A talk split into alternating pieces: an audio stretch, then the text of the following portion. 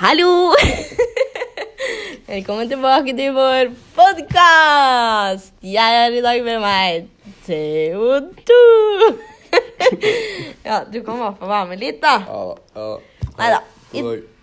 God dag. Ja. I dag skal vi snakke om Hjerteinfarkt. hjerteinfarkt. Og da kan vel du begynne å forklare litt, eh, Theodor? Eh, Eh, hvis man skal forklare om hjerteinfarkt, så er det vel greit å vite hva hjerteinfarkt faktisk er. Så vi Ja. tenkte å starte med det.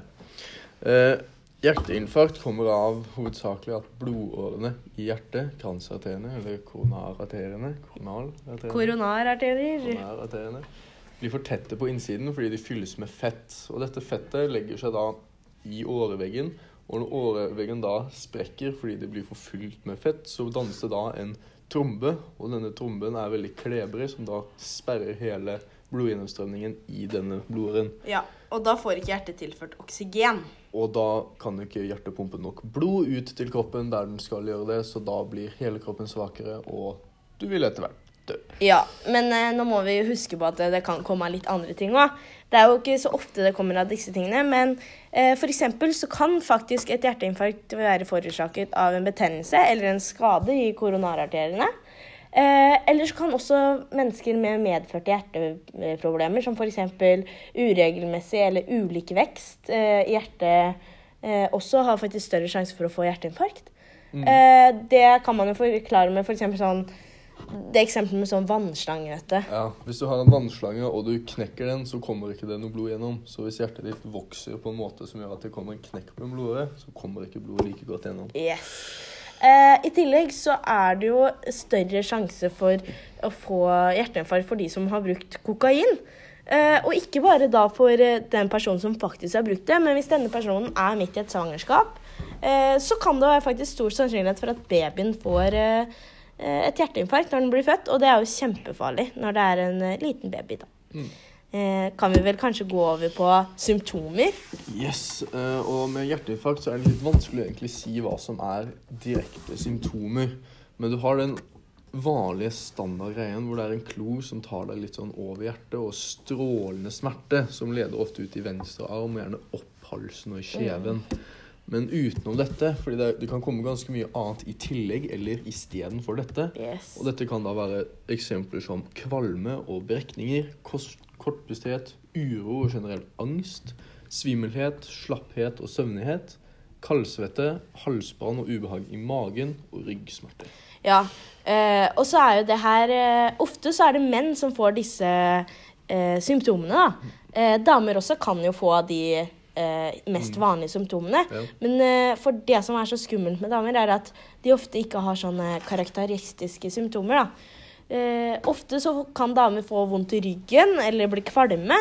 Eh, og mange da tar og tenker på dette som menstruasjonssmerter, f.eks. Og det er det som er litt skummelt da, med hjerteinfarkt for damer.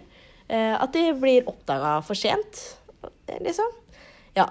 Og det som er veldig viktig, da, er å observere på riktig, mest mulig riktig måte. Ja, Sånn at man klarer å koble at det faktisk er et hjerteinfarkt, Ja. noe annet, for det kan misforstås. Fordi ved hjerteinfarkt så er det viktig med kjapp eh, Behandling. behandling. Ja.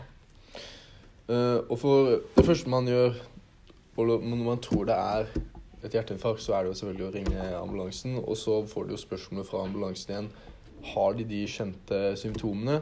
Og da kan man observere om pasienten og brukeren har disse strålende smertene, som også er ganske kjent. ja. Eller følger den kloa rundt hjertet, da. Mm. Eh, ja. Og så går det også an å teste nitroglyserin, fordi det kan jo være angina pectoris det er snakk om her.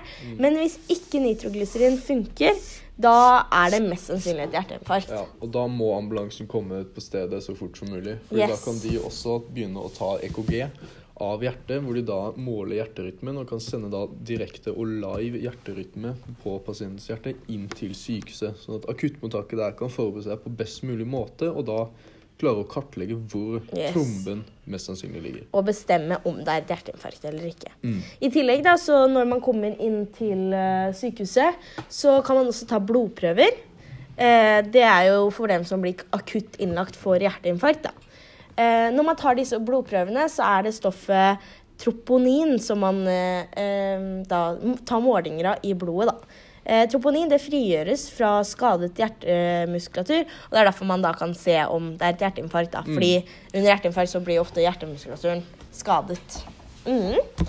Eh, men heldigvis så er det jo mye som kan forebygge hjerteinfarkt, da. Ja, og det er jo ganske mye av det her eh, standard eh, levestilen Ja. si, som liksom forebygger alt. Og da går jo det her på med en generell sunn livsstil. Mm. Det, går da, det er jo knytta til gode vaner når det kommer til fysisk aktivitet. Følg liksom hel Helsedirektoratets råd om det. Vær i 30 minutter aktivitet hver dag, og gjerne litt hardere aktivitet med høy intensitet et par ganger i uka også. Yes. Så må også kostholdet ditt være ikke ekstremt bra, men noe variert, sånn at Ja. du ikke holder deg kun på mettet fett, men varierer det litt, Ja. og reduserer sukker- og saltinntaket. Ja, lavt innhold av mettet fett, da. Eller lavere, i hvert fall. Mm. Ja. Og så er det jo selvfølgelig rusmidler av alle slag også. Ja.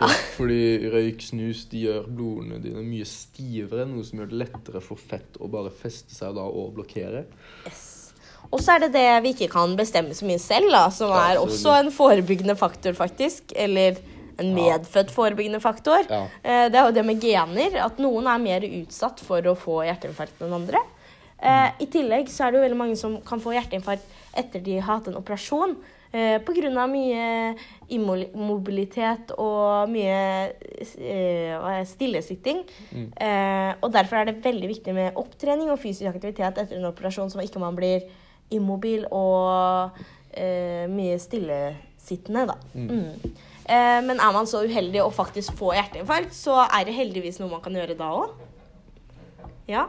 Ja. Eh, for eksempel så kan man bruke fibronolytiske medikamenter. Ja. Eh, fibronolytiske medikamenter det er medikamenter som bryter ned fibernettverket i blodet. Mm. eh, og hindrer koaguleringsevnen blodet har, da.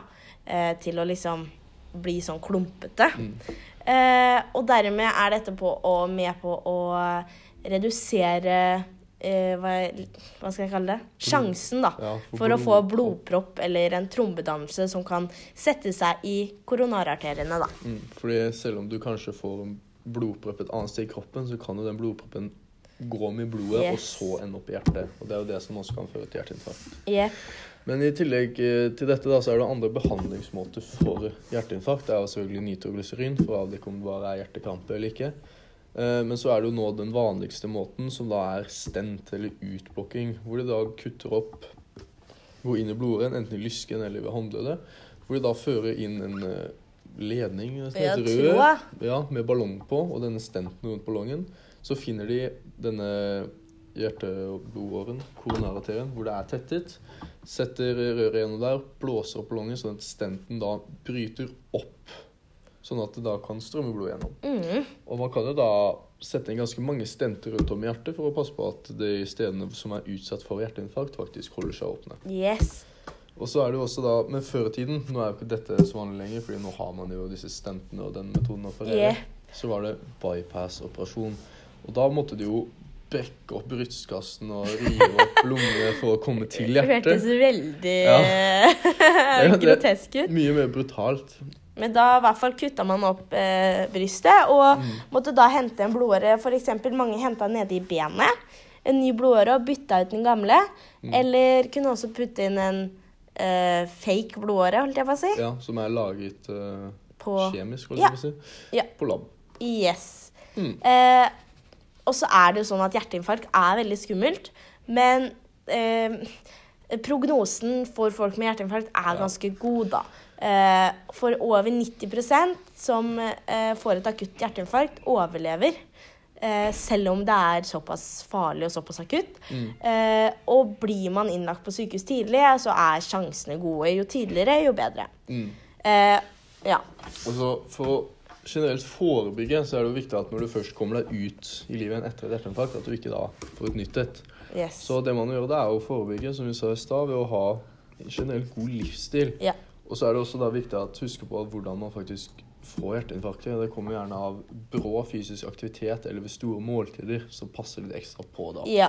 Være litt forsiktig med store eh, måltider og veldig ekstrem Sport og fysisk aktivitet. Ja, fysisk aktivitet. Hard fysisk aktivitet. Ja, ikke gå på spurt med en gang, Nei. men uh, jogge litt. Ja. Ja, da håper vi dere lærte noe i dag i hvert fall. Så takk for oss. Sanne, Yes. Sanne og Theo, Beste out!